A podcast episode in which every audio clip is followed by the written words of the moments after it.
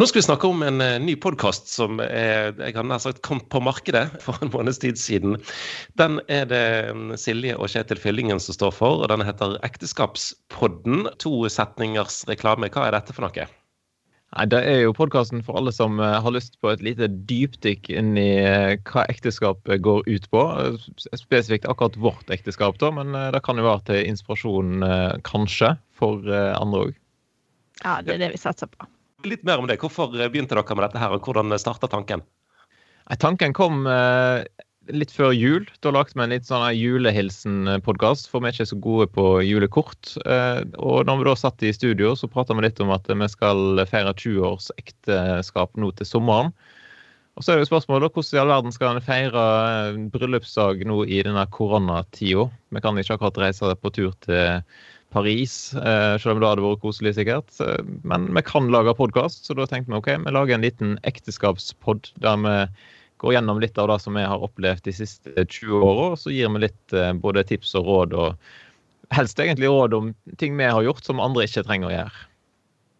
Og eh, Da kan vi jo også nevne, Du sa at dere hadde gått i studio. Eh, Podkast er ikke noe nytt for, for deg, Kjetil?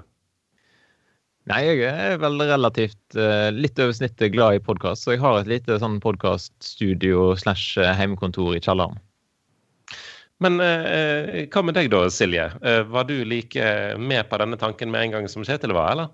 Nei, altså Jeg syns jo det er veldig kjekt å sitte her nede og prate tull med, med Kjetil. Så sånn sett så syns jeg det var veldig en gøy tanke. Men det er jo helt nytt for meg, da. Så jeg er jo litt Ja Litt utenfor komfortsonen, kanskje? Ja, bitte litt. Veldig. Egentlig. Ja, en trenger jo ikke være gift for å vite at når en skal leve tett på et annet menneske, så kan det bli både pluss- og minussider av det i løpet av uh, så lang tid. Føles det ikke litt, litt skal vi si, ekkelt å skulle eksponere både godt og gale?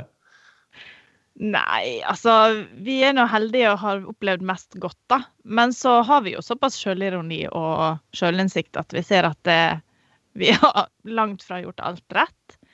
Og så er jeg litt sånn opptatt av at eh, vi må vise ekte liv. Det blir veldig ofte glattpolert i, eh, i sånne kanaler. Eh, så jeg, sånn, jeg tenker at det kan være sunt å, å på en måte si ting sånn som det er. Ja, hva, hva tjener en på det? Ja, vi kjenner veldig lite på akkurat det, tror jeg. Men, Nei, men kan, vi kan være med å inspirere noen andre. Kanskje noen kjenner seg igjen i at det, ja, sånn er livet, faktisk. Ja, Bygge ned litt uh, terskler for å prate om, om ting, da. Og, og, jeg har jo uttalt at uh, vi er egentlig ganske alminnelige. Eh, og lever vel et relativt sånt alminnelig familieliv. Og da kan jo være greit å se at Eller ja, å liksom snakke om det at det er ikke alle som lever sånn som disse bloggerne, eller Ja. At det, livet kan være sånn nå, da. Mm. Og så er det jo dessverre sånn at en god del ekteskap går i oppløsning.